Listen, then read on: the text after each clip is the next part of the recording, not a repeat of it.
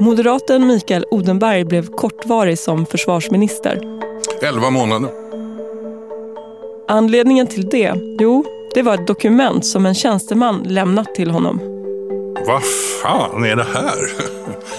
Det visade sig att finansminister Anders Borg i sin finansplan hade skrivit in kraftiga nedskärningar inom försvaret. Och de, de var omöjliga för Odenberg att acceptera. Han beger sig till statsminister Fredrik Reinfeldts stora hörnrum i Rosenbad. Detta sker under en helg i slutet av augusti 2007. Det är tidig eftermiddag. Och då fick jag ju klart för mig att nej, det var nog inte möjligt att påverka de här skrivningarna annat än på marginalen. Och då sa jag till Fredrik att han kunde stoppa upp sin finansplan någonstans.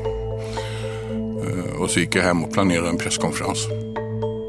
När han planerar presskonferensen får han ett samtal från Carl Bildt som var utrikesminister i samma regering. Då ringde han på en, på en knagglig satellittelefon från Mali där han befann sig. Och undrade, men ska det här verkligen vara nödvändigt? Och då sa jag att ja, det är nödvändigt. Eh, och så var det med den saken. Du lyssnar på Stormens öga, en podd från The Weekend. Idag med moderaten Mikael Odenberg, rebellen i Reinfeldts regering.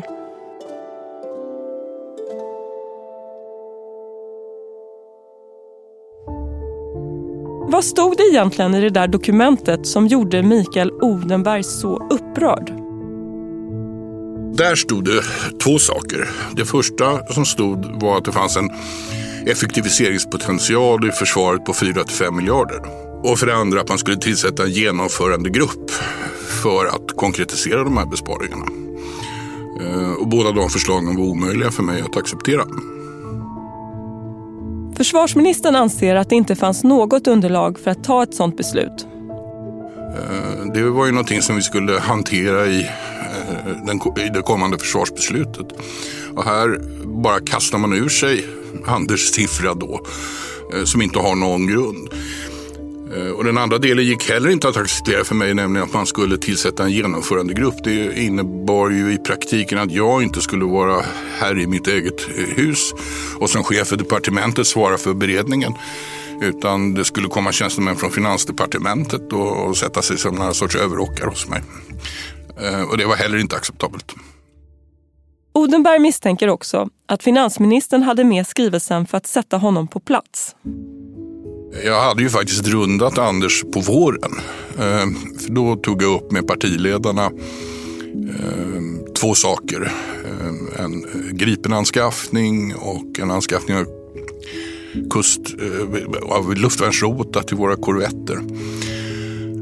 Som Anders var genuint ointresserad av men där jag med stöd av de andra partiledarna övertygade Fredrik om att vi skulle skriva in i tilläggsbudgeten på våren att regeringen skulle få ett bemyndigande att göra de här anskaffningarna.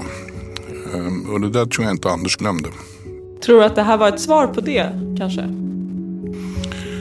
Jag kan i alla fall tänka mig att det stärkte Anders i eh, att inte vilja backa tillbaka. Eh, jag kan tänka mig att, att den där rundningen på våren eh, gjorde honom än mer beslutsam. Att nu jävlar ska det bli som jag vill och inte som Odenberg vill. Eh, men Anders som sagt är ju envis med gris. Eh, så han hade gett sig fan på att han skulle ha in den här siffran i finansplanen. Det här var inte första gången de båda männen rök ihop. Tidigare hade de haft en liknande sammandrabbning under Almedalsveckan i Visby. Den gången hade Anders Borg också kommit med nyheter om besparingar i försvarsbudgeten. Ja, det kom ju som en total överraskning för mig och det blev ju ganska jobbigt därför att eh, alla media i Almedalen kastade sig då över mig. Och jag ville ju inte stå eh, inför kameror och mikrofoner och säga att eh, finansministern vet inte vad han pratar om och, och vi har inte kommit överens om någonting utan jag försökte ducka så mycket som möjligt. Någon sorts skademinimering. Ja, jag blev ju fly förbannad på Anders naturligtvis. Man beter sig inte på det sättet.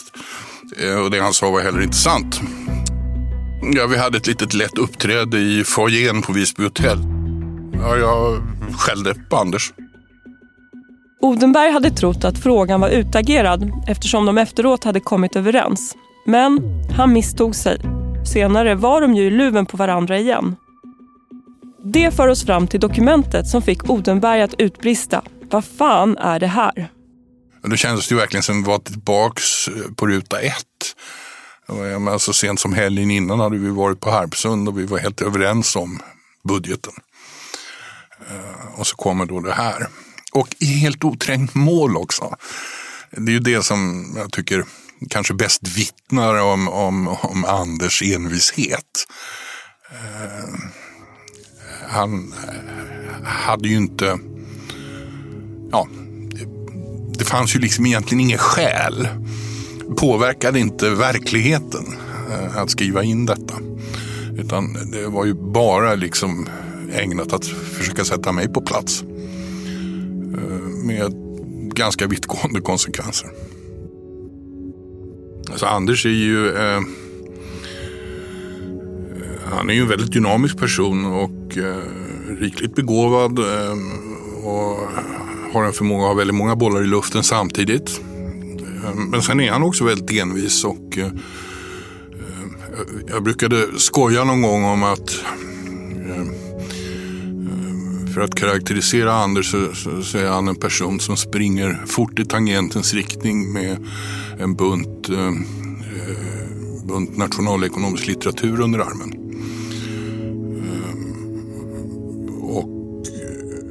sen så kan man styra om honom. Fredrik kunde styra om honom få honom att springa i en helt annan riktning. Då bytte han bara ut litteraturen som han hade under armen.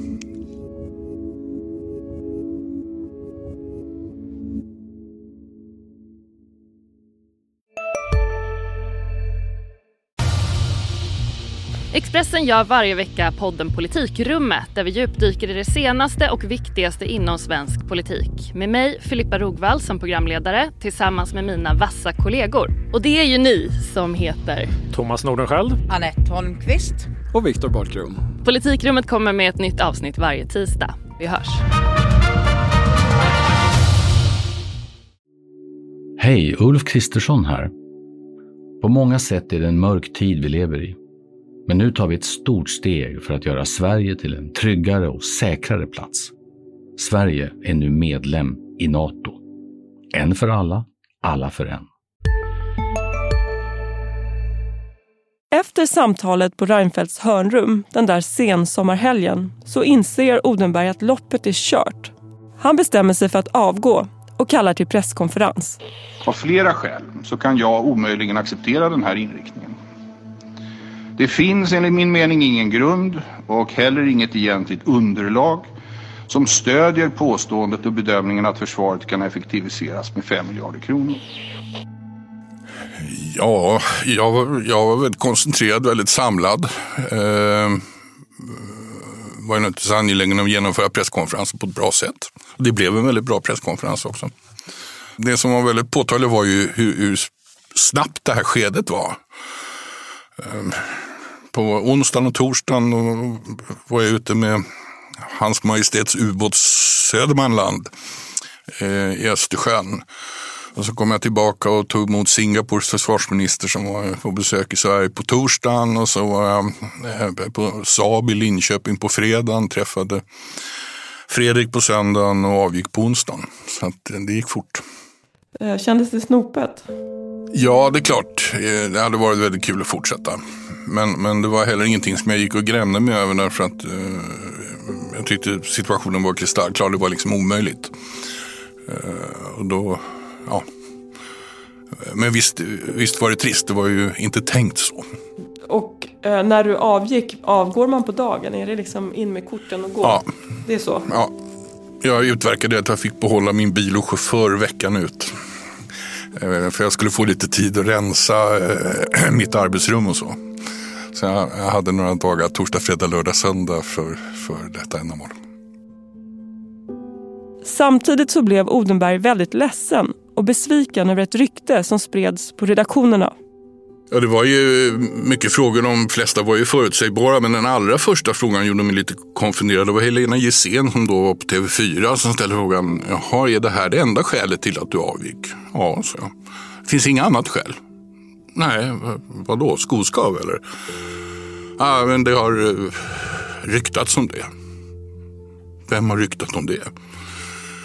Ja, då visade det sig efter presskonferensen att någon har ringt runt till redaktionen och försökt sälja in budskapet att anledningen till att det avgick inte alls var en kontrovers om budgetpolitiken utan att, utan att eh, eh jag hade allvarliga alkoholproblem och hade burits medvetslös av regeringsplanet och så vidare. Eh, och det där tände ju redaktionerna på naturligtvis. Men när de undersökte den saken så fick de ju klart för sig att det fanns ingen grund för det. Så att det blev aldrig några skriverier om det. Däremot hade medierna i P1 eh, faktiskt eh, tog, upp, tog upp den här frågan. Det som var obehagligt med det här eh, det var ju att eh, om man tänker ett steg till eh, våra politiska motståndare, Socialdemokraterna har ju ingen anledning att försöka sälja in ett sådant budskap. De kunde ju bara luta sig tillbaka och Eh, njuta av spektaklet. Eh, utan det är svårt att frigöra sig från att det här, är, det här är en moderat, kanske till och med en medarbetare i Moderaterna. Som i någon sorts personligt eh, nit tror att kan vi få det att verka som att det är personliga skäl och inte politiska skäl som gör att Odenberg avgår, ja då blir den politiska skadan mindre. Men den tanken är inte så trevlig att tänka. Och någon överlämning till hans efterträdare, Sten Tolfors? Nej, det blev det aldrig. Jag ville få möjlighet att, berätta för honom hur vi hade resonerat, hur vi tänkt och sådär. Vi stod inför ett kommande ÖB-skifte. Och så. Eh, men jag lyckades aldrig få till stånd något möte med honom. Han, han hade någon sorts beröringsskräck. Ungefär som om det var ja, illojalt att, att prata med mig. Ehm, och det där fann jag ju oerhört, oerhört oprofessionellt. Så det blev aldrig någon överlämning. Sedan den där presskonferensen i september 2007 har Odenberg aldrig pratat ut med varken Borg eller Reinfeldt om sin dramatiska sorti. Fredrik och jag eh, har egentligen inte haft någon kontakt. Han, han har utvecklat sin, sin autistiska ådra så att eh, det är nog inte så många från regeringstiden som har någon kontakt med Fredrik. Jag har bytt några ord med honom. Jag har setts på någon kungamiddag. Jag har setts på någon privatfest. Eh, och så. Eh, Anders och jag har träffats lite då och då. Men vi har inte, vi har inte explicit eh, pratat om detta. Han har, han har ju skrivit i sin bok och gett sin version. Jag kommer väl att ge min bild i en bok så småningom.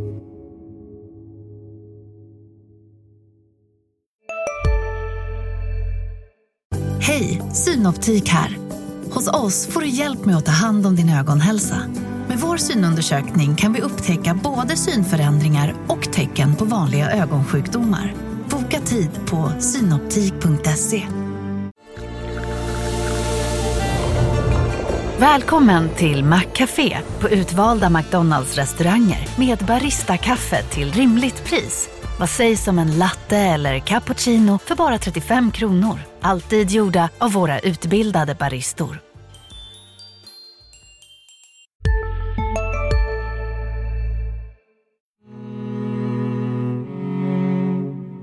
När Odenberg tänker tillbaka på tiden för 17 år sedan då är det som att ta sig tillbaka till en helt annan världsordning. Än hade inte Ryssland invaderat Ukraina och på något sätt blir det som att Odenberg fick rätt när han opponerade sig mot häftiga besparingar inom försvaret. Idag rustar ju Sverige upp. Men att han förstod vad som var på väg att hända, det förnekar han. Nej, jag har aldrig, jag har aldrig påstått att jag eh, förutsåg den bedrövliga utveckling som vi har haft efter eh, 2007. Det kan jag inte påstå. Eh, men som sagt, här skulle man alltså plocka bort 10 procent av försvarsbudgeten och göra det utan att man hade något som helst underlag. Att Sverige planerade att sänka sin försvarsbudget så kraftigt, det var typiskt för den tiden, menar Odenberg. Vi levde fortfarande i den eviga freden, ja, och det var ju först eh, ett och ett halvt år senare som ryssarna eh, gick in i Georgien. Eh, och det var det första riktigt allvarliga tecknet. Egentligen så fanns ju tecken tidigare. Jag var ju på den internationella säkerhetskonferensen i München i februari 2007. Där eh, Putin talade och där han eh, egentligen tog avstånd ifrån eh, efterkrigstidens säkerhetsordning. Idag är han oroad över utvecklingen i världen. Det är verkligen ingen rolig värld vi har just nu. Ehm, jag tror att det är avgörande viktigt nu att vi fortsätter att ge så mycket stöd vi bara kan till, eh, till Ukraina. Vi har all anledning att känna oro över, över det säkerhetspolitiska läget i världen och i vårt närområde. Däremot är det ju inte så att eh, det finns ett akut hot mot Sverige idag. Ehm, men eh, faran är naturligtvis att, att, att om Putin får sin vilja fram så kommer det inte nödvändigtvis att stanna vid Ukraina. Ehm, utan då kommer också andra länder i det ryska närområdet att eh, känna sig hotade. Scenariot med Trump som segrare i det amerikanska presidentvalet skrämmer honom. Ja, det är... Eh, är ju ett perspektiv som på alla sätt ter sig skrämmande. Ehm, och det har bäring inte bara på USA, där hans eh, budskap ju egentligen är att han, han ska rensa bort alla otrogna från, från statsförvaltningen. Det är bara hans lojala eh, proselyter som ska få finnas kvar. Eh, han, han, han, han saknar en grundläggande respekt för eh, de demokratiska värdena. Och det är klart att skulle han komma åter till eh, makten så är han ju inte enväldig utan han har också en kongress. Men det är klart att det kommer få återverkningar på Europa. Eh, och vi vet ju från hans förra presidenttid att eh, hans, eh, ja, hans, hans eh, intresse för den säkerhetsordning vi har haft eh, efter andra världskriget och eh, hans intresse för NATO är ju högst begränsat. Du har lyssnat på Stormens öga, en podd från The Weekend med mig, Karin Grundberg Wolodarski. Producent Viktor Aldén, musik och klippning Patricio Samuelsson och ansvarig utgivare är Peter Fällman.